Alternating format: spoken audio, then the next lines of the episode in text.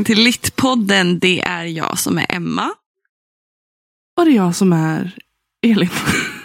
Jag ville göra en sån dramatisk effekt. Det- Men jag ballade ur.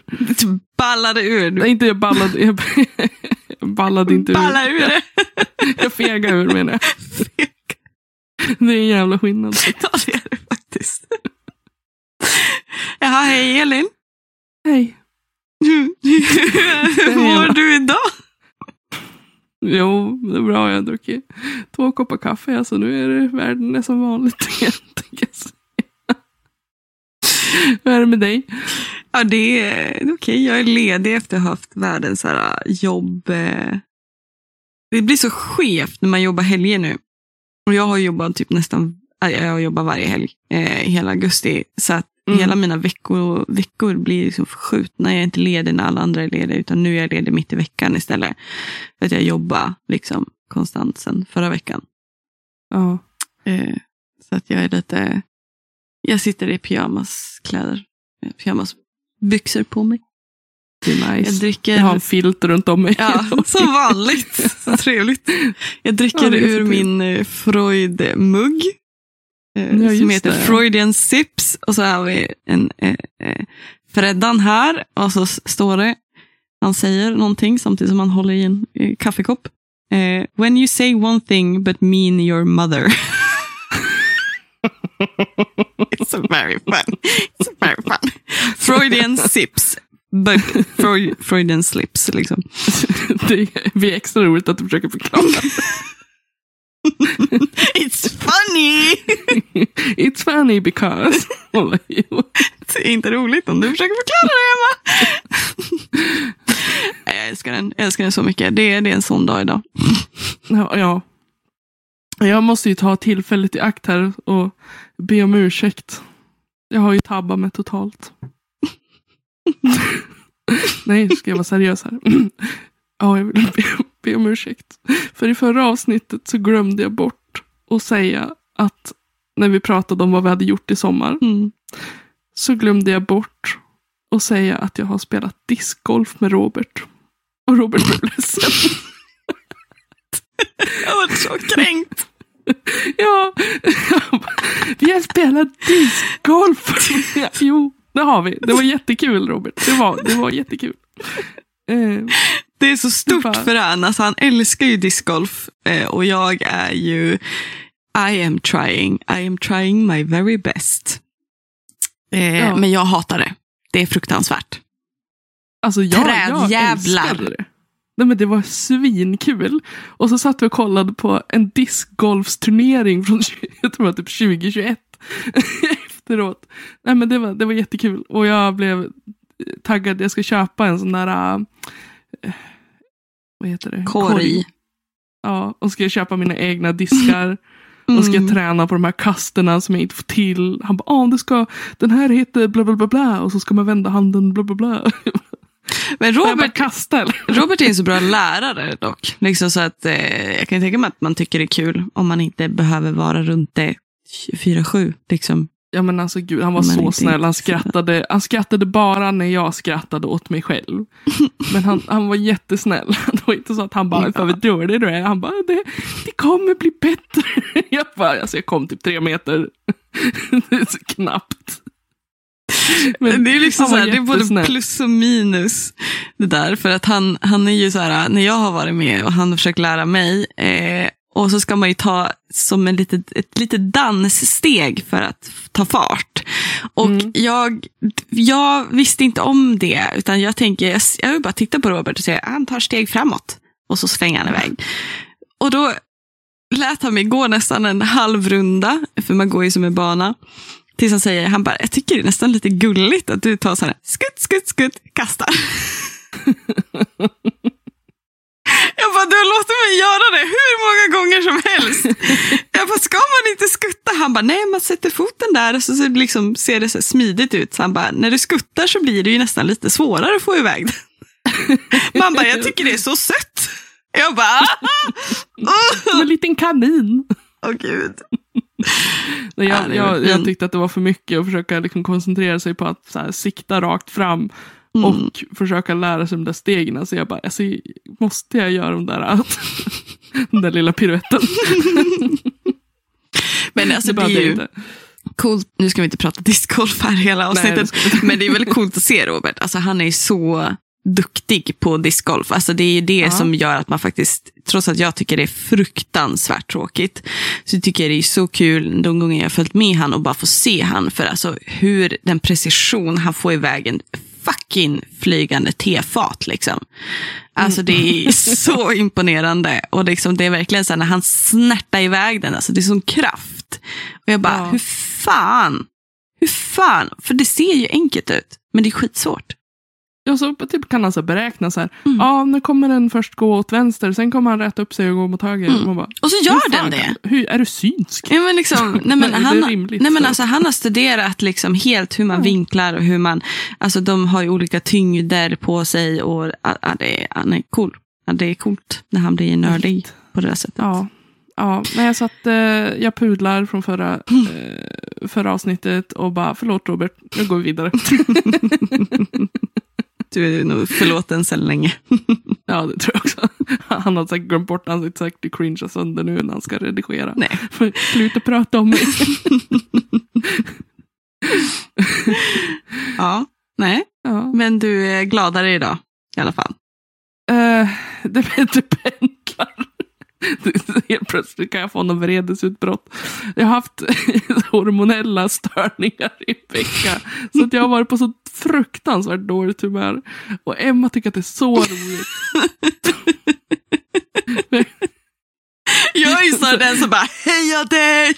Ja, alltså, det är nästan så att du vill provocera fram en reaktion från mig. Och sen när jag väl får ett utbrott, bara ja, ni med.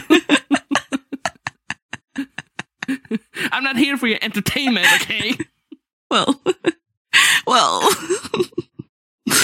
Eh, nej, nej, Nej. men det är bättre, antar jag då. Eh, Ja då, jag lever. Det är väl någonting positivt. I think. Oj, oj vad mörkt. Nej, men eh, ja.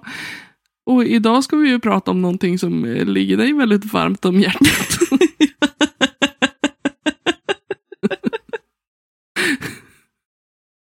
The reasons why you get up in the mornings.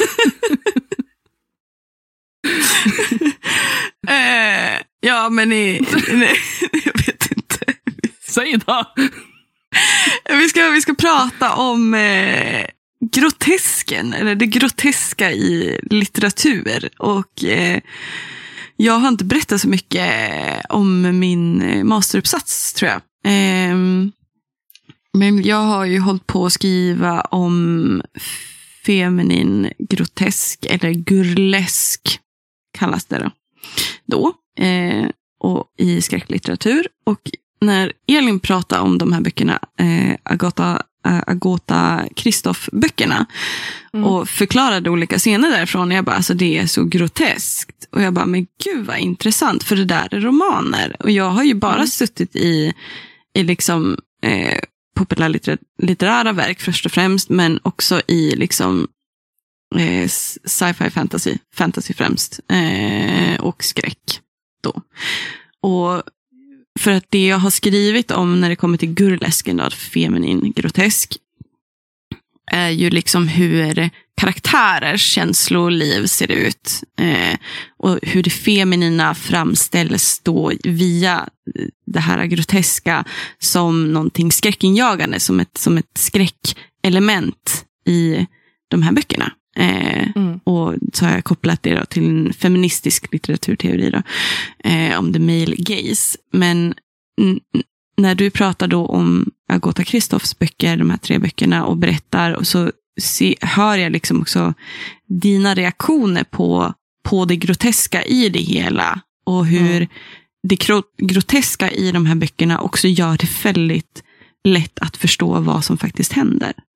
Mm. Vad karaktärerna går igenom. Mm. Utan de groteska delarna så hade det ju fortfarande varit eh, berörande berättelser. Men det hade inte, det hade inte hakat sig fast, tror jag. Alls. Nej, så jag tror jag boken hade fått en helt annan eh, vinkling också. För att, och det var som jag sa till Emma innan vi började spela in. Jag måste sätta triggervarning när vi pratar om just den, de här, Mm. den här trilogin. För att den innehåller allt ifrån alltså, övergrepp både mot barn och mot vuxna. Och mord och incest och tider. Alltså, Mm. jag sätter triggervarning på allt tror jag. Men det som händer i de här groteska scenerna, eller vad man nu ska säga, Mm. så ger det ju en bild av den här misären också. Mm. Som finns i skuggan av kriget. Att det är väldigt lätt, alltså krig är ju alltid fruktansvärt Mm. och människor lider. Men de här groteska scenerna som beskrivs Mm. gör ju det nästan... Vi pratade lite grann innan om, om det här med att det groteska också följs av en, typ en absurditet. Mm. Att det nästan blir absurt. Mm. Man kan inte ta till sig hur Mm. fruktansvärt det är. Och det ligger inte heller så långt borta verkligheten för Mm. många som flyr krig eller Mm. som blir utsatta för krig. Och det är det som blir så då intressant med själva gro- grotesken som en, ett, ett begrepp. Liksom. Ehm, Mm. Jag skrev ju om grotesken även eh, förra året när jag skrev om humor och döden. För att grotesken har en väldigt viktig eh, del i humor. Ehm, Mm. Det måste bli absurt som du säger för att det Mm. ska bli groteskt. Det måste bli groteskt för att det ska kunna bli absurt nog för att man ska kunna skratta åt det. Mm. Ehm, och då finns det en forskare som heter Ingemar Haag. Eh, som har skrivit eh, Det groteska, kroppens språk och språkets kropp i svensk lyrisk modernism. Och den är släppt 1999. Eh, och han definierar det via det språkliga ursprung. Alltså Mm. groteskens språkliga ursprung. Och han menar att det är något i den fysiska världen som tränger sig in i kroppen. Eh, alltså, alltså något främmande som tränger sig in och möter kroppen i en sorts oförsonlig kamp. Eh, och det där vi pratar lite om att det måste ju vara det, det absurdistiska, det absurda, det som inte, den oförsonliga kampen är det här. Jag kan, inte, jag kan inte ta in det här som händer just nu. Nej. Men typ när vi pratade om det här med att eh, i Agota Kristoffs eh, ena bok så var det en flicka som utsatte ett djur för eh, eh, övergrepp, då, för tidelag blir det då. Mm. Eh, och hur det är så absurt. Någonting så oskyldigt och så, så vad ska man säga, två små, två oskyldiga saker, inte saker, men två oskyldiga element. Mm. Ehm, subjekt, ett djur eh, och en flicka. Mm. Ett barn. Ett alltså barn, Hon, liksom. hon var ju så trasig. Mm. Och det eh, sen innan. Tränger sig in, någonting främmande i världen tränger sig in i kroppen. Och då undrar man vad då är då kroppen? Är det, kroppen kan ju vara vår fysiska kropp till exempel. Men Mm. kroppen kan ju också kanske vara en metafor för oskyld, det oskyldiga till exempel. Mm. Som de, ett barn och ett djur förenas i. Och Mm. där kommer då en ett sexuellt övergrepp. Och det är någonting främmande som tränger sig in. Och det blir, det går, det blir så absurt. Att det, det, Mm. det blir den här oförsonliga kampen. Mm. Helt enkelt. Och jag tyckte det var ehm, väldigt intressant. Men eh, jag, jag läser faktiskt ur min egen begreppsdefinition i min uppsats. Ja. För att det här är så, det kan bli lite komplicerat. Just det där som jag säger, kroppen kan vara den fysiska kroppen. Alltså vår, Mm. vår egna kropp. Men också kroppen kan vara en metafor för någon, någonting annat. Som, som liksom symboliserar någon sorts subjektivitet. Eller liksom, om man ska säga Mm. så.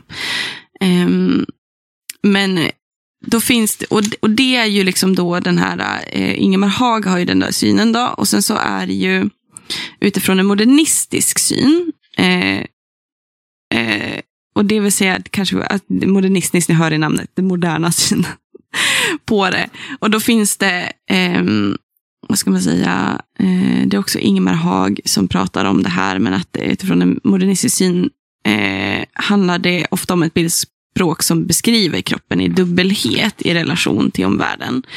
Eh, Mm. Till exempel den förmultnande kroppen, alltså ni vet ett skelett eh, som Mm. dör. Men en förmultnande kropp blir ju också föda för växter.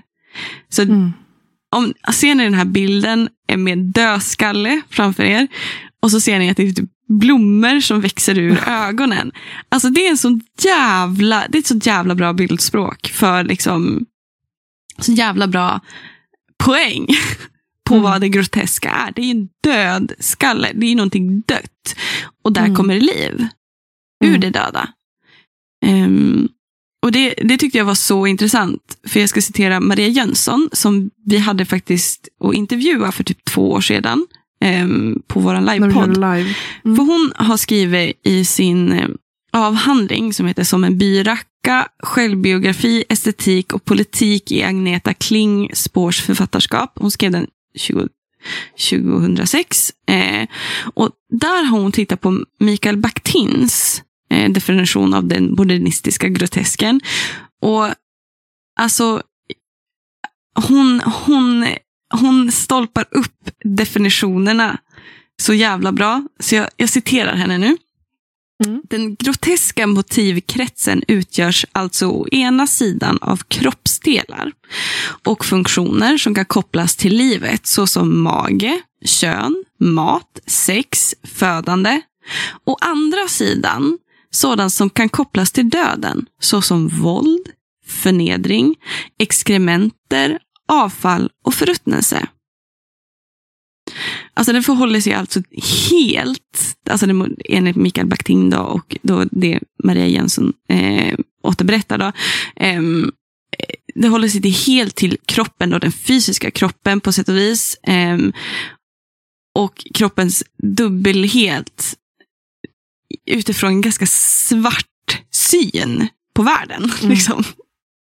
Men det, det är jätteintressant. Mm. För just det där, jag hittade, eh, jag har inte, alltså den här som tung läsning så man kan inte läsa så mycket åt gången. Mm, mm, Man får liksom, eh, man får dela upp det lite grann. Mm. Men det var just eh, en, en del som jag fastnade väldigt mycket för som jag faktiskt tänkte ta upp i podden. mm, mm, Så jag tänkte det är väldigt lämpligt för att den tar just det här med liv och död, kroppen och eh, det här sexuella. Det handlar om, alltså det är en man som stryper sin egen syster till döds. Och då är man med i själva processen. mm. Är så här, jag kom på fötter, låste fast hennes arm och vred om handleden tills hon släppte flaskan. Vi föll ner på sängen, jag la mig över henne, mina händer kramade hennes mager hals och när hon slutade kämpa emot fick jag utlösning. I know. Men det blir väldigt intressant just i kontrasten till det Maria Jönsson då säger. Ah. Mm, Att det här med samtidigt som han reflekterar över att han mördar sin syster och att han efter, i efterhand känner ånger för det så får han utlösning som att han faktiskt mm, går igång Mm. på mm. Mm. makten och kontrollen över någon annans kropp. Ja. När hon Och slutade det är också- kämpa emot. Alltså det är så, in... här supernördiga Emma, det är så intressant. Utifrån, för alltså, det poängterade jag också i min, min begreppsförklaring i uppsatsen, att Mikael Bakhtin har ju också, alltså, eh, vad ska man säga, alltså hans syn på grotesken är ju liksom i relation alltså till alltså kroppens alltså tvetydighet någonstans. Han får utlösning men han känner ånger. Han mördar någon men får utlösning, vilket också död och liv. Liksom. Ja. Och att, eh, att det, i det tvetydiga, eh, menar Mikael Bakhtin då, att grotesken står för eh, på nytt födelse, process och förvandling. Mm. För om man tänker den där scenen då, där han mördar sin syster. Han får en Mm. utlösning över sin syster när han mördar henne och han känner ånger. Hur förändras han? Vad händer med han efter det där? Mm. Han blir ju en helt annan människa. Mm. Man kan inte, det är ju... eh, Nu ska man inte... Jag, jag säger inte... Nu är det här en fiktionell karaktär, men jag menar att ah, det där blir ju också ett sorts trauma. Ja, och så sen, för du, eh, det nämnde du också i din uppsats. Bara, det nämnde du i din uppsats. Men, och jag har sett i andra begreppsförklaringar kring grotesken att det också blir en form av katarsis, en rengöring. Mm. Eller liksom en, Mm. och det blir väldigt tydligt i att han in, innan mordet och efter mordet. Mm. Innan mordet så försöker han skriva en bok, Mm. men kan inte. Nej. Fysiskt kan han inte för Mm. att hon är där och Mm. stör honom. Mm. Efter mordet så hittas han av polisen när han sitter bredvid hennes lik och då skriver han sida efter sida efter sida. Mm. Så att det här, den här, det här mordet blev ju också hans katarsis Mm. på sätt och vis, hur fruktansvärt det än är. Mm. Det är det som är grotesken. Att, Mm. Och det är så intressant. Alltså det är så jävla intressant. För det är liksom, man tänker att någonting kan vara groteskt, men grotesken är ju Alltså man tänker grotesk, när man säger att oh, gud vad groteskt. Liksom man ser en skräckfilm och så tänker bara för fan vilken grotesk karaktär eller liksom ja. händelse. Eller, och, och man bara ja. But pay attention till Mm. vad det här gör med hela berättelsen. Vilken, för att grejen är det att det, alltså grotesken kommer in och det är det som jag tyckte var så kul med både att skriva om det i min humoruppsats och nu i min feministiska eh, litteraturuppsats. Liksom, litterära uppsats. För att det grotesken hela tiden gör, det är att den kommer in och så bara swirl, swirl, swirl. Jag kan inte prata. Den bara, den bara blandar om allt. Det bara Ja. allt blir helt sjukt. Och grejen är det att när någonting blir för sjukt eh, så kan man inte relatera. Man tappar kontakt och man tappar närhet oftast till texten och till berättelsen och det som berättas för en själv. Man känner att man tar avstånd. Och här kommer då begreppet abjektion, vilket jag ångrar att jag inte tog med i min begreppsförklaring nu så här i efterhand.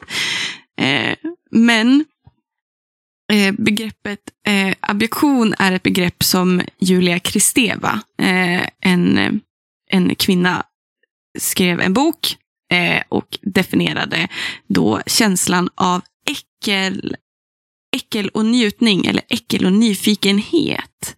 Mm. En sorts dubbelhet i att känna sig äcklad av någonting. Man vill ta avstånd, man, man, man, man känner abjektion någonting, man vill ta avstånd helt, nästan fysiskt. Det gör ont i din kropp. Men du blir så nyfiken. Du blir så nyfiken. För vad är det som ger dig en sån kroppslig re- reaktion på äckel? Att du... Ja, men det, det, det blir en tvetydighet, en skevhet i att känna äckel.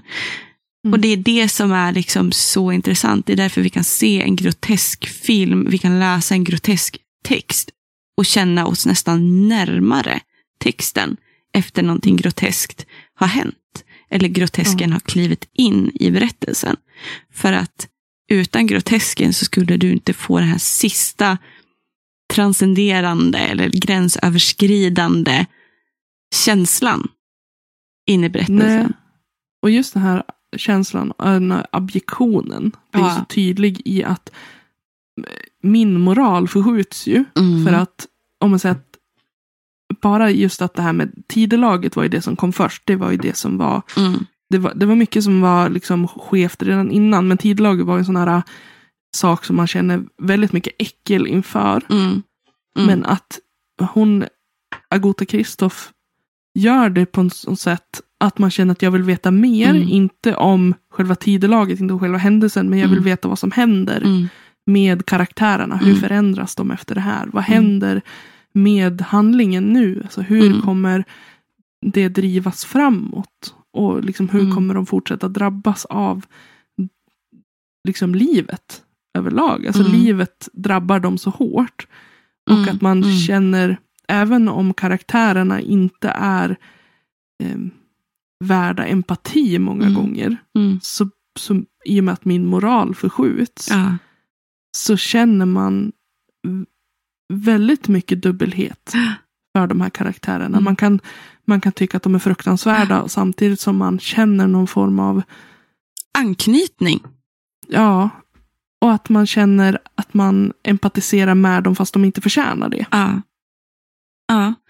Jag såg en TikTok med en tjej jag följer. Eh, vi har haft lite så här små konversationer fram och tillbaka. Hon, jag, hon bor i England. Eh, och hon läste en bok nu där hon kände att hon hade varit med om någonting hon aldrig hade varit med om. När det kom till liksom att läsa om en, en villain, en, en liksom bad guy. Hon bara, alltså jag fick sådana moderskänslor för den här karaktären. Hon bara, jag är i chock. Jag har aldrig känt att jag har velat ta i den här äh, onda karaktären i handen, den här antagonisten i handen och bara vilja ge den hela livet. Ge, Mm. liksom, hon bara, vad är det? Och då pratade vi lite kort om det. Att det, är liksom så här, jag bara, det är ju det också som gör att, du, att det här kanske är en bra karaktär, men en bra berättelse för att du anknyter ju. Mm. Det du känner är en anknytning, inte bara till huvudkaraktären, alltså till protagonisten, utan till på riktigt antagonisten. Vilket gör att det, det, är liksom, det är någonting bra som har hänt, tänker jag, någonstans. Jo, och jag tänker så här, det visar ju också på skickligheten Mm. hos författaren. Mm. Att kunna skriva karaktärer som väcker så här och skriva en handling som väcker Mm. så mycket känslor Mm. och som, ja men som du sa, liksom Mm. bara kastar om allt Mm. någonstans. Mm. Att man inte vet liksom längre, man nästan lämnas med en känsla av så här, vem är jag? Mm. Mm. Vad står jag för? Vad är liksom, tycker jag att det här är okej? Nej, Mm. det tycker jag inte. Jag tycker fortfarande att det är fruktansvärda händelser. Men att man kan ha en helt annan förståelse för hur, hur människor hamnar där de hamnar. Man får, När man får se bakgrunden. ja, man får liksom en empati för att människan är komplex på en sån nivå att det inte går att dela in folk i svart och vitt. Utan det du kan göra är det, det du har är kontroll över dig själv. Liksom. Mm. Vad säger, som du säger, vad säger det här om mig? Mm. Vad, vad, vem vill jag vara? Och jag tycker det, alltså det, för mig har det varit en katarsis i att skriva både humoruppsatsen men också den här äh, grotesk femininitetsuppsatsen. För att jag känner sån frihet så att jag känner mig hög. Ja. För att det är så här, äh, alltså du kan vara den värsta människan på jordklotet. Du har fortfarande inte ansvar över någon annan än dig själv. Nej. Alltså du, du, du, du alltså man har ju alltid ansvar, det förstår ni. Missförstå mig rätt. Alltså, Mm. okej. Ehm, det, m- m- men du, du har en frihet i ditt ansvarstagande. Ja. I att inte utsätta andra människor för de här sakerna. Du, du, nej men alltså, oh, gud, jag går så igång så att jag sitter och hoppar i stolen. nej men, och samtidigt också att det hela tiden är omständigheter Mm. någonstans. Eh, som, och det är det som är så spännande när man får läsa om de här sakerna i böcker. När man får läsa om gr eh, grotesken i böcker. Liksom, i, när grotesken kom upp i Humor och döden så var det omständigheter där döden var en personifikation. Där det Mm. gick att ha en konversation, ha ett möte med, med, med döden. Förkroppsligad. Liksom, döden och liv i, i samma form. Då. Och då blir det också du som möter döden som en kropp, som ett liv. Och döden är fortfarande döden. Och där blir det ett möte också. En dubbelhet, en tvetydighet, en skevhet. Hela världen skiftar ju utifrån omständigheter. Det vill säga, Mm. du kan aldrig kontrollera någonting. Du kan inte kontrollera det, du, hur någon annan är eller dina omständigheter. Det enda du kan göra är att inte bli ett offer för dem. Bara fortsätta Det gå. också blir sån väldigt- frihet. Jag kan tycka att det blir också väldigt tydligt att man, man tappar ju kontrollen som läsare för att Mm. ingen karaktär i boken heller har kontroll. Mm. Att de måste någonstans vara utom makt. Ja. Att förändra sitt eget öde. Ja. Där jag också känner att jag inte har kontroll över, liksom, nar- eller så här, jag kan ju aldrig ha kontroll över narrativet, men jag kan ju ha kontroll över att jag lägger ifrån mig boken. Exakt. Men det är nästan att, som att den kontrollen tas ifrån mig. För att boken griper tag Ja. om den. Det, det här också låter jätteflummigt, men förstår du vad jag menar? Liksom att, ja. Boken drabbar dig. Ja, och att jag bara måste ta mig igenom den. Mm. Oavsett liksom hur dåligt jag än mår av att läsa liksom att barn blir utsatt för pedofili till Mm. exempel. Att det är övergrepp mot barn. Ja. Det får ju mig så här att okej jag måste lägga ifrån mig det men jag tar ju alltid upp den igen. Det är inte så att jag säger nej, this is it liksom. Mm. Eh, fast att jag kan nästan inte tänka mig någonting värre än Mm. att barn utsätts för sexuella övergrepp. Liksom. Mm. Och alltså, Men att man bara säger, jag, jag, måste bara, jag måste bara veta Mm. vad som händer. Jag måste, bara, jag måste bara ta ett andetag Mm. liksom, och få landa någonstans i det. mm.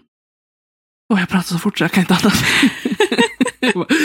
Visst är det så intressant ändå Ja. liksom med det groteska, vad det gör med en. ja, och det som är så intressant i det groteska är ju att det inte behöver vara skräck. Nej. Som du sa, liksom, det här är ju romaner. Mm. Det här skulle kunna vara ett verkligt liv. Ja. Men att det groteska, och det kan ibland nästan vara värre för att det är Mm. liksom för likt våran verklighet. Mm. Är skräck om man säger att det handlar om, I don't know, demoner Mm. eller Mm. vampyrer. Eller så här, då kan man ju någonstans avskärma sig Mm. med att okej, det här finns inte på riktigt. Mm. Liksom att man skyddar sig själv. Men att det här händer ju hela tiden. Allt det som Mm. beskrivs i den här boken Mm. Mm. händer ju på daglig basis. Men det, och det är det som är så intressant vad grotesken gör för berättelsen även inom skräcklitteratur. För det skrev jag om. Eh, jag använde mig av en forskare som heter Yvonne Leffler som eh, horror, har skrivit en bok som heter Horror as Pleasure. Eh, horror as Pleasure. Ehm, och där pratar hon om, för att när man pratar om skräcklitteraturen eller typ känslor i text och berättelser så pratar man om, eh, vad heter det då? The paradox of fiction. Alltså, kan vi verkligen känna genuina känslor? Eller är det Mm. pseudo-känslor vi känner? Eh, och hon menar på att skräcken i alla fall eh, har Alltså varför vi återvänder till skräcken. För skräcken definieras ju också av att det är händelser som vi vill undvika i verkliga livet till varje pris. Alltså till varje pris. Det är det som skrämmer oss. Eh, och ändå, om det är situationer som vi undviker till varje pris i det verkliga livet så sätter vi oss framför en skräckfilm och ser den. Eller vi läser en skräckbok och läser klart den. Um, och att då, där får vi en så här, en, en njutningsfylld känsla. Och det är utifrån en förmåga att konceptualisera känslan. Det vill säga nära nog för att jag ska kunna relatera eller känna igen det här och kanske varit med om något liknande, känner någon som varit med om något liknande. Och grotesken i det, på samma sätt som att grotesken blir så verklig i dina romaner, så gör ju grotesken det möjligt för mig att konceptualisera mina känslor när jag läser en, en helt skönlitterär bok. Alltså en helt osamtida, en fantasy, ett speculative fiction-verk eller weird fiction eller skräckfiction. Um, alltså det, det gör så att det här startar tankar i mig att det här kan jag komma närmare. Liksom. Det är nära, även fast det är långt Mm. borta. Liksom, det finns inga äckliga slime-monster i vår värld. As far as I know. Eh, men, Det är bara människor som är äckliga slime. ja, exakt, det, det var... Det är vi som blir dem. Ja, exakt. Det groteska. Liksom. Men samtidigt så kan man typ se på typ hur ett monster agerar i en skräckbok. Och bara, men jag vet människor som agerar sådär. That's scary. Vem är då monstret liksom? Mm. Ja. Alltså det är, det är så spännande för att jag alltid så här, för jag är ju, i verkligheten är jag ganska rädd. Alltså jag är väldigt mörkrädd. Mm. Eh, och sådär, alltid varit det. Mm. Så det är väldigt intressant att man blir så fascinerad av, för jag älskar ju skräckfilmer. Ja, ja, Jag älskar känslan av att sitta och skrika liksom. Men jag har också, Jag med. men inte åt skräckfilmer. nej, men alltså så här, där har jag också en preferens. Alltså det är det som är så intressant. Ja. Att det är också så här, att det är inte vilken skräck som helst. Nej. Det är inte vilken handling som helst. Nej. Det måste finnas vissa ramar. Det är väl Mm. där jag har min kontroll. Mm. Liksom. Mm. Att det- det här vill jag utforska men Mm. inte det här. Mm. Och det här kan jag liksom låta mig typ bara, här kan jag ge mig hän. Mm. För att det är en skyddad miljö samtidigt som att den också är väldigt oskyddad. Ja. Att man, för man vet ju inte vad som ska hända och man Nej. blir ju genuint rädd. Ja. Oavsett om det är som hon, Yvonne Leffler, liksom frågar sig, the, the Mm. paradox. Mm. Ehm, om är det här verk, är verk, en verklig rädsla eller en pseudorädsla av Mm. något slag. Mm. Men det spelar ju ingen roll. För att i stunden är den ju väldigt verklig. Ja, känslor är känslor liksom. Ja men exakt. Och att man kan ge sig hän fast det är kontrollerat fast det är icke kontrollerat. Ja. Det är just det här äh, dualiteten, Mm. dubbelheten. Det, ja, Tvetydigheten och det skeva Ja. i det hela. Att det, blir, och det, det är ju det absolut roligaste med det jag har skrivit om tycker jag också. Alltså jag har skrivit om då skeva flickor och mittemellanförskap och dubbelhet och hur liksom vad det gör med en, en flicka liksom, när hon inte passar in liksom, alls utifrån vad inom situationstecken en riktig flicka ska vara och sådana saker. Och hur en kvinna alltid är ställd i det där mittemellanförskapet på sätt och vis. Men hur vi kan se det i, i liksom flickorna i litteraturen. typ. Ja, Och- jag tänker att det kan ju vara bra att, vi så här nämner, att du nämner liksom vilka böcker du har utgått ifrån, alltså vilka skönlitterära Ja, verk. jag, För Ja. det kan ju vara bra. jag skrev eh, om två eh, skräckromaner då, på varsin sida av liksom själva the horror spectrum, alltså om man säger så. Så jag, eh, mitt huvudverk, om man säger så, det jag la mest uppmärksamhet på var Bunny av Mona Awad. Och då om feminin, det feminint groteska där och vad som kommer fram när jag tittar på de här eh, minigirlsen eh, som finns i de här böckerna. Eh, Bunny handlar om Sam. Eh, det är helt ifrån hennes narrativ.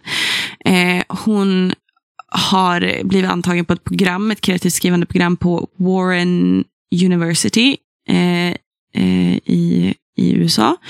Och hon är helt föräldralös. Hon flyttar till det här universitetet och man slängs som in i under hennes sista år där. Det, eh, hon hade gått tidigare. Eh, och man ser redan på en gång att hon känner en sorts avundsjuka och avsky och samtidigt en nyfikenhet gentemot ett tjejgäng i den här kreativt skrivande kursen som kallas The Bunnies.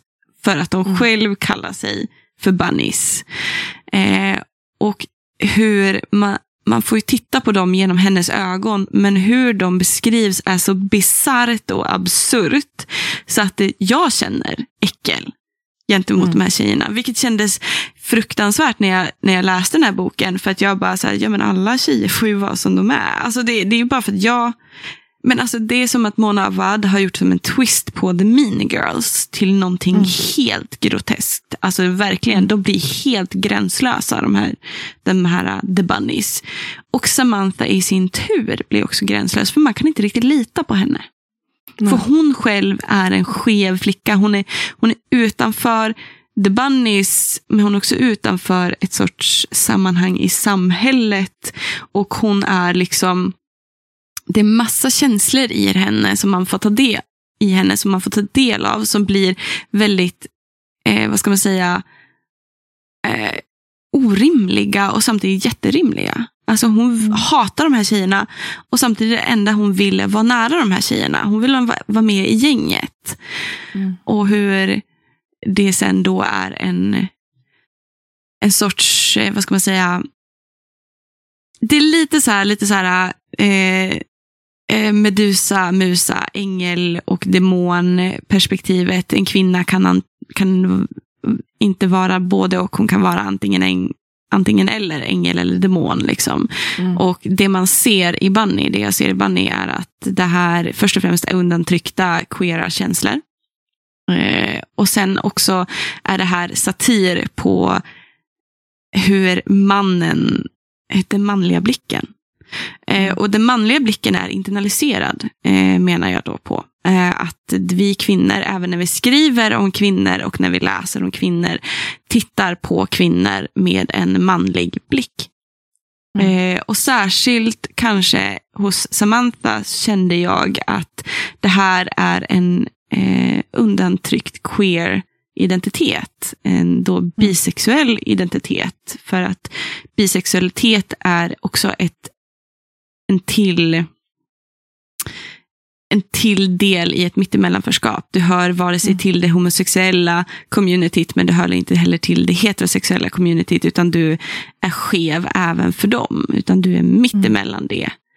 Ehm, och känner kanske inte tillhörighet någonstans. Liksom. Eh, och att det försätter henne i en sorts förnekande av sin identitet. Det vill säga det hon gör för att uppnå sitt sanna jag, den hon är i sin, i sin queer identitet, sin bisexuella identitet, är att titta på kvinnor med en manlig blick. Eh, Mm. Och hur lätt det är för oss att titta på kvinnor med en manlig blick. Mm. Eh, och så. Den andra boken jag skrev om är Cackle av Rachel Harrison. Och den faller mer inom, om Bunny var mer en sorts weird fiction horror. Så, Mm. är, Bun, eh, så är Cackle mer cozy horror. Det är en kvinna som inser att hon är en häxa. Typ. Mm. För att hon blir kompis med en häxa för att hon blev dumpad av, av sin kille. Och så flyttade hon och så träffade hon en världens mest fantastiska väninna. Och där så tittar jag också på liksom då hur, hur liksom henne, hennes liksom hur hon har blivit liksom hjärntvättad till att tänka att det är fel på henne för att vilja ha samma frihet som män får. Liksom. Mm. Och hur, men hur det skeva i kvinnan eh, blir som väldigt samlat i berättelsen om häxan i skogen. Liksom. Mm. Och så. Eh, jag ska inte hålla något längre än så. Så att det är de två böckerna jag har skrivit om. Eh, Bunny av Mona Wad eh, och Cackle av Rachel Harrison. Men det var någonting jag tänkte på när du pratade, åtminstone i Bunny. Jag, nu har jag läst din uppsats. Mm. Ehm, och jag tänker att det opolitliga narrativet Mm. som finns i Bannys, Mm. jag är inte riktigt säker på om det är lika uttalat i, i Cackle, att det är ett opolitligt narrativ. Men jag tänker för just de här romanerna jag har läst så känns det väldigt mycket som att det här opolitliga narrativet bidrar till att det groteska Mm. eh, blir så uttalat. Mm. Att man, man kan inte liksom, man känner inte tillit till någon. Samtidigt som man litar på alla. Ja. Återigen dubbelheten. Mm. Men känner, känner du att det också blir, jag tänker just främst i Bunnies, liksom om Sam hade varit ett pålitligt narrativ, om det här, Mm. det groteska i boken hade kommit fram på samma sätt. Eh, jag tror att det är väldigt svårt att skriva om det groteska utifrån ett pålitligt narrativ. För att det tar bort hela grejen med dubbelhet eller dualitet. Mm. Att inte That's veta. Eh, att, att liksom det absurda försvinner i att se, en, att se, i att, se att en blomma eh, växer ur en dödskalle. Mm. liksom, någonstans. Och du, det, det, hela grejen tror jag, det jag känner med grotesken är väl det att den, den får mig att ifrågasätta saker. Eh, och eh, kanske ifrågasätta människors beteenden. Eh, och jag tror Mm. att det är en väldigt stor poäng med i alla fall det, dualiteten i det groteska. tror jag. Mm. Om jag skulle säga så. Jag tycker också att det är väldigt intressant hur man då leker med så vem är protagonist och vem är antagonist Mm. egentligen. Mm. Eh, att det handlar om olika perspektiv Mm. och ur vems ögon man får följa Mm. berättelsen. Jag Och tror det också, Jag tror att det, det jag tyckte var så intressant med Cackle och Bunny är det att antagonisten som man först antar är ju utifrån en manlig tanke om vem antagonisten är. Tills man inser på slutet att antagonisten är mannen. Liksom. Patriarkatet. Mm. mm, Inte, om, inte narrativet som är opolitligt. Det är inte den som är antagonisten utan det är på riktigt den manliga blicken. The male gaze och eh, patriarkatet. Honestly. för, för just det här opolitliga narrativet tyckte jag blev så obehagligt i den här, de här romanerna. Jag tror att det var Mm. främst i, det är tre böcker, den stora skrivboken, eh, Beviset och den tredje lögnen, de är Mm. inbakade i en. Mm. Jag tror att det var i första delen, den stora skrivboken, när man får för det, den följer ju liksom två pojkar, Lukas och Klaus, de är bröder, tvillingar. Mm. Och man får följa liksom dem under, liksom, från att de flyr kriget där de är barn till att de Mm. är vuxna. Mm. Men i den första boken då, då är de fortfarande barn och den här flickan då som hade eh, ja, begått ett övergrepp mot den här hunden. Då. Mm. Jag beskrev ju henne i förra avsnittet. Hon var väldigt trasig. Mm. Eh, både hon och hennes mamma stod utanför samhället. Mm. Och blev ju utsatta för övergrepp och så vidare. Mm. Men den här flickan då, eh, pojkarna hade någon form av barmhärtighet över henne. De tyckte synd om henne. Mm. Eh, för att samhället var så fruktansvärd Mm. mot henne. Mm. Så att de kom dit. Det var inte så att de tyckte om henne. De ville bara liksom hjälpa henne på något sätt. Mm. För de, gillade, de ogillade eh, orättvisa. Mm. Men då kommer de till hennes hem. Mm. Och hennes mamma är typ nästan apatisk. Och så ser de den här flickan död. Att hon har blivit Mm. våldtagen. Och eh, Mm. för att inte lämna allt för många detaljer. Man såg bevis liksom, på Mm. våldtäkten. Eh, ganska så, det var Mm. ganska så synligt. Mm. Men att hon hade ett leende på läpparna. Mm. Och att mamman beskriver våldtäkten för att hon, mamman eh, var i princip, alltså jag vet inte om hon om hon eh, var traumatiserad och det var därför hon inte liksom kunde röra sig. Ja. Eh, alltså sen innan, för hon, hon, man, man fick det beskrivet att flickan tog hand om mamman för att hon kunde varken se eller höra eller så. Men man, nu fick man veta att hon kunde höra i alla fall, men hon kunde inte röra sig och hon kunde inte se. Mm. Eller om hon kunde se, jo det kunde hon. Hon kunde se, hon kunde höra, men hon kunde inte röra sig. Mm. Och sa att den här flickan ehm, hade bjudit hem 15 soldater Mm. för att hon ville bli våldtagen. Och att hon dog med ett leende på läpparna. Och där är också så här, det opolitliga narrativet att så här, jag köper inte det. Nej. För att som kvinna att, att vara med om något sånt. Och framförallt tänker jag ur ett barnperspektiv. Mm.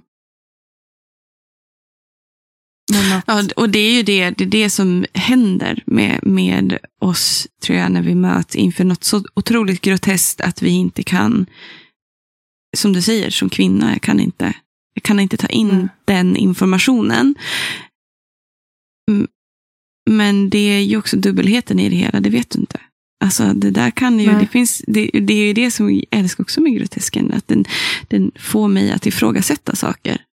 mm, Eh, jag önskar, jag hoppas att det där inte är en verklighet. Jag Mm. hoppas att det här är en fantasi och enbart stannar som en tanke som man sen får hantera med professionell Mm. hjälp. Eh, men samtidigt så är, och det är det här som blir så läskigt med när något sånt groteskt. För det grotesken gör är ju också att det ifrågasätter liv och allas val i livet. Och det, det alltså rent filosofiskt blir det Mm. liksom en... Vi har ju de här Pornhub-sajterna. Mm. Och det är liksom där det där är en verklighet. Och det betyder inte att det flickan upplevde i den här fiktionella berättelsen då liksom ja, eh, är liksom var hennes katarsis eller lycka där hon gick från liv till död. Liksom. Att det här var någonting hon eftersträvade. Det här, det här är ett övergrepp. Av samma anledning som man måste förstå att flickan som begick tidlag har en orsak bakom det. mm, En människa föds inte ond. En människa går igenom val i livet och kan göra onda saker. Göra som definierar dig mer och mer. Mm. Ehm, men jo, människa, samtidigt, ja, eh, inte för att avbryta din tanke, men just bara för att det är ju också någonting med att just våldtäkten och att man också får förklarat att det är liksom en 15 män som våldtar henne till döds. Men att det gör ju någonting med den som läser också Mm. när hon beskrivs som lycklig över mm, att bli utsatt för den här våldtäkten. Eh, Mm. För alternativet är ju att hon skulle ha varit skräckslagen Ja. under våldtäkten. Mm. Att det gör ju inte händelsen Mindre liksom fruktansvärd. mer... Nej, eller mindre precis. grotesk. Nej, exakt. Men att det händer ju någonting i mig som läsare. Det är inte ett lugn och det är inte så Mm. att jag bara, okej, ja men gud vad skönt att hon var glad. Mm. Eh, och att hon dog med ett leende på läpparna, att hon var lycklig. Som det står då beskrivet, Mm. vilket man som sagt inte riktigt kan, man köper ju inte det rakt av. Nej. Men att det är just den här grejen som vi har pratat om, den här um, dels det absurda, men ja, och abjektionen och Man, att det finns den här, att det, det ska vara Ja, nej jag vet, jag vet inte, men alltså det, det just den här dubbelheten, man känner att det är äckel och det är det är så många känslor samtidigt man Mm. känner. och det, det ska jag säga, det är en, det är en, fruktansvärt skicklig författare. Som För får fram det där, tror jag. För, för den här mamman, hon sa att nu, jag kan inte leva längre Mm. efter att ha sett det där. Så de här pojkarna som också är barn Mm. tar livet av henne Mm. i en slags Mm. eh, Mercy. om, ja, precis. För att hon, hon kan inte fysiskt sett eh, ta livet av sig själv. Mm. Så att de måste hjälpa henne. Eh, och att det senare, liksom så här, det, det är inga känslor för dem Mm. kring det. Utan det är som att, som att göra vilken syssla som helst. För att de är så Mm. avtrubbad. Jag tänker väldigt mycket på det här bit, eh, ordet bitterljuvt. Men i en liksom, och vrida upp det till hundraprocentig volym. Liksom. Ja. Bitterljuvt. ja. Där de gör det i, i en händelse av omsorg, men det här är så bittert. Det är så fruktansvärt. Det är ja. en sur eftersmak. Ja. Det är verkligen att ta så här, sin egen moral och, och, och, och börja liksom tänka Mm. kring den. Så här, är, det här, Egoism. är det här liksom. rimligt eller orimligt? Mm. Är, det, är det här av... Är man godhjärtad eller är man ond? Mm. Mm. Men det är inte så vitt eller svart. Och det är det som är så fantastiskt med det groteska och dubbelhet och skevhet och så. Alltså hur det är svårt att leva i det medan det är den existens vi lever i. Liksom någonstans. Jag skrev det i min inledning på uppsatsen också att jag känner mig som en förrädare mot mitt eget kön. Mm. För att jag, jag är så feministisk. Mm. Jag är så feministisk. Ehm, och samtidigt så har jag det här som är så motsägelsefullt i det. Jag, jag faller jättelätt in i den manliga blicken när jag läste Cackle och Bunny. Um, och jag, liksom, du vet, jag skriver det också, jag tog som exempel, liksom, att jag, jag, jag, jag älskade ju, jag älskar ju Stephen King. Men hans Mm. kvinnosyn är så jävla misogyn så att man undrar ju varför jag inte slänger de bäcken, böckerna över hela mitt vardagsrum. Liksom. Alltså, Mm. det är bitterljuvt att vara människa. Särskilt Jo, i... man gör fel liksom. Mm. Det, och jag det- tänker allt. Jag tänkte jag bara ofta- tipsa lite om böcker, Ja. så jag ser att tiden tickar iväg. Ja. Ehm, så nu har vi pratat om Agota Kristoffs tre volymer. Vad heter de tre? Eh, den stora skrivboken, Beviset och Den tredje lögnen. Precis. De är inbakad i en stor roman. Liksom. Mm, en hel volym. Och sen så har jag gjort eh, min, min masteruppsats skrev jag om Bunny och Cackle. Eh, men jag har även eh, tre till böcker som är ganska eh, bra om man vill fundera mer på det groteska och hur dess olika former ser ut. Eh, Eller motivkrets som Maria Jönsson kallade det. Ehm, och då har jag en bok som är otroligt vacker av Moira, eh, Moira Fowl. Jag har lagt upp det här också så, som en söndagsläsning, för det här är en samling noveller. Eh, som, eh, och boken heter då Ice Guts Throat Bones. Eh, och den är så morbid. Mm. Jag Man kan nästan ana det.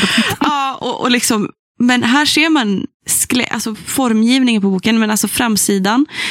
Skelett och blommor. Skelett och blommor, hörni. Alltså det här är groteskt. Men jag måste läsa baksidan på den för att det här är ungefär motivkretsen på det groteska i den. Mm. Her face itches, deep frizzen at her hairline, tingle of burn along her jaw. She hooks her nails right in, digs up and under, shuddering like she's coming. Breaths fast and hard. She gives one of those belly groans, fingers working faster, deeper in under the skin. Her whole face peels off and it's like a benediction. Hmm? Ja. Ja, den är, den är grotesk och den behandlar eh, kvinnokroppar i, vid, vid tidens slut, eh, när jorden håller på att gå under.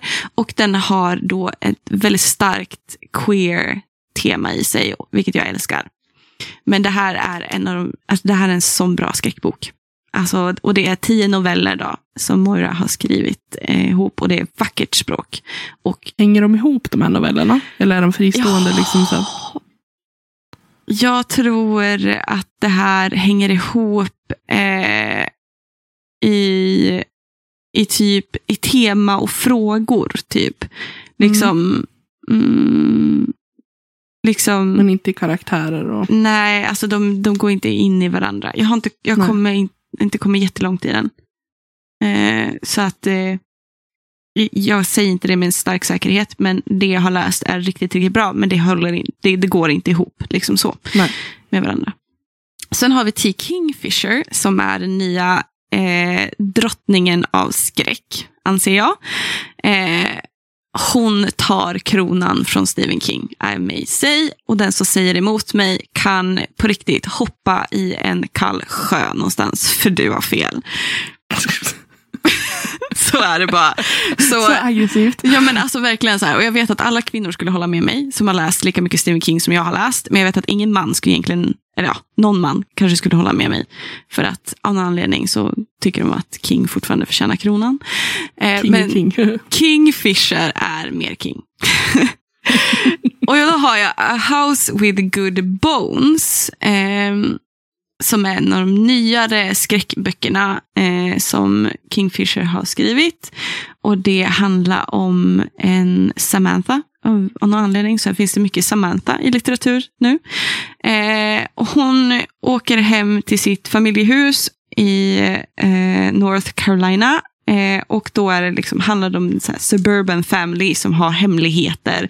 Och sen så kommer det de här groteska delarna som behandlar väldigt mycket kropp och eh, eh, generella eh, ätstörningar, om man säger så. Generella ätstört beteende. Eh, och Mm. gör om det till typ ett skräckimplement. Och det har med kryp att göra och massa skit. Och så. Okej. Min tredje är Cursed Bunny av Bora Chang. Eh, och den här är en eh, koreansk författare eh, som blev översatt till engelska. Den här fick jag i födelsedagspresent av Joel, en av mina närmaste vänner, som vi också hade under, eh, som var här och pratade med oss när vi hade vårt queer-avsnitt. Eh, och hen hade sett den här boken eh, och bara, det här är en Emma-bok. Så är det bara. Och den här, den här är så rolig, så roligt grotesk. Mm. Alltså det är också, eh, vad ska man säga, det här är ju en samling stories. Och det här är varför hen tyckte att det här var en Emma-bok. Eh, för hen hade läst på insidan eh, av den. Och då står det så här. Eh, Cursed Bunny is unique and imaginative, blending horror, sci-fi, fairy tales and speculative fiction into stories that defy categorization. Och alltså det är första storyn har jag läst som heter The Head. Och alltså den var det handlar om en kvinna som är liksom hunted av Mm. hennes kroppsliga exkremeter. Alltså bajs. Exkrement. Exkrement, precis. Like her bodily waste come back and hunt her as a head and calls her mother. It's so fucked up. Det är så fucked up. Alltså hon har en fullgående konversation med det här bajshuvudet. Alltså, du Alltså vet, begreppet skithuvud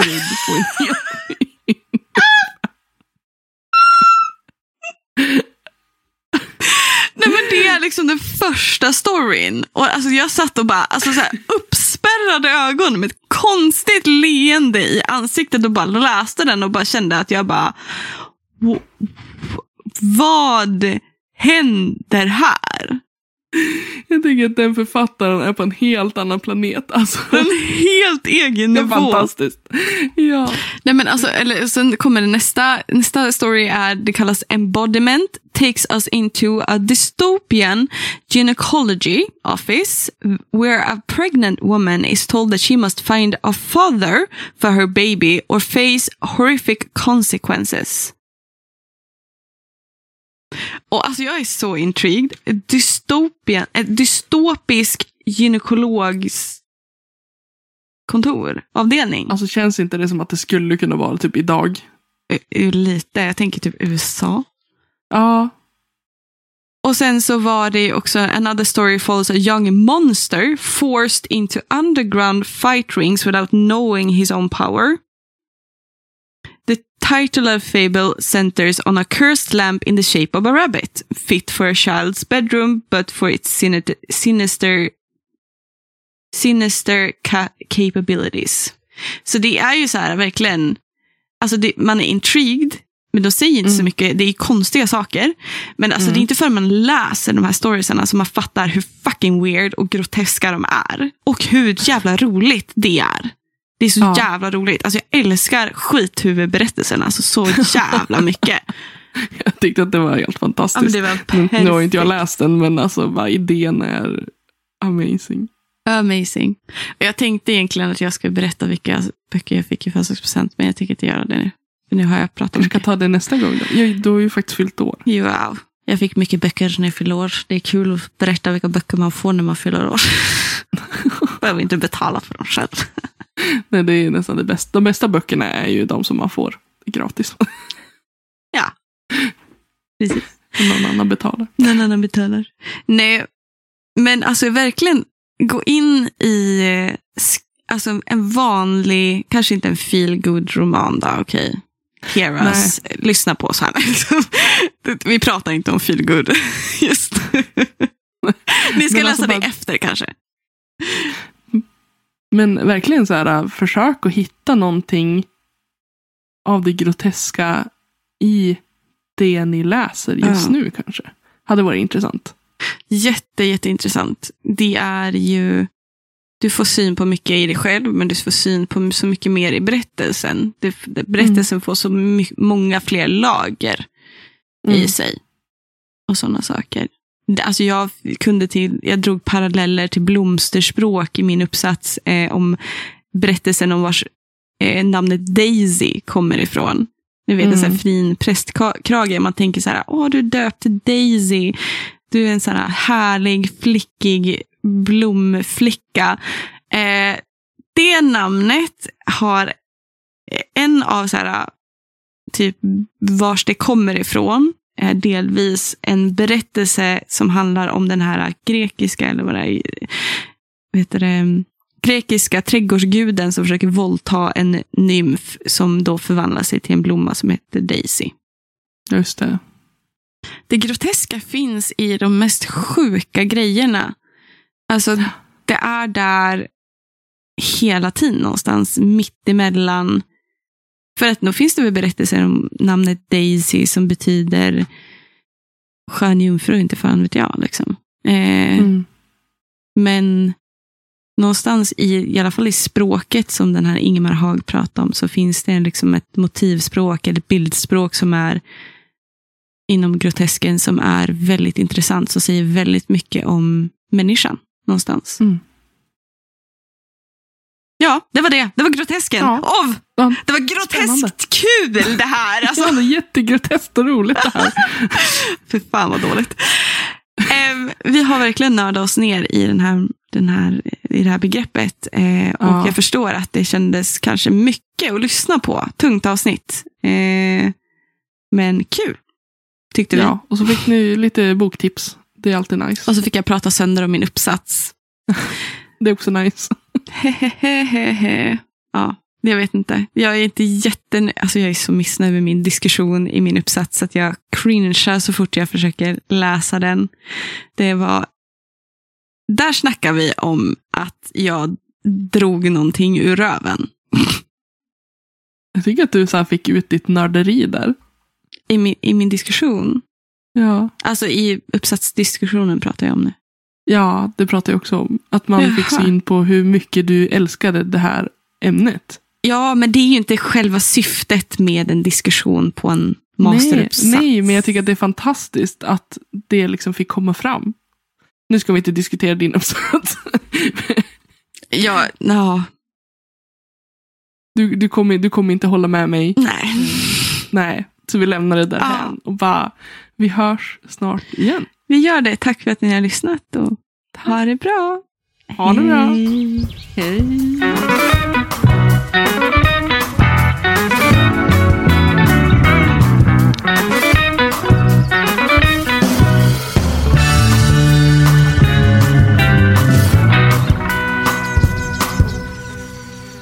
Ni har lyssnat på Littpodden med mig, Elin Oslin och Emma Granholm. Musik och klipp av Magnus Kjellson och Robert Granholm.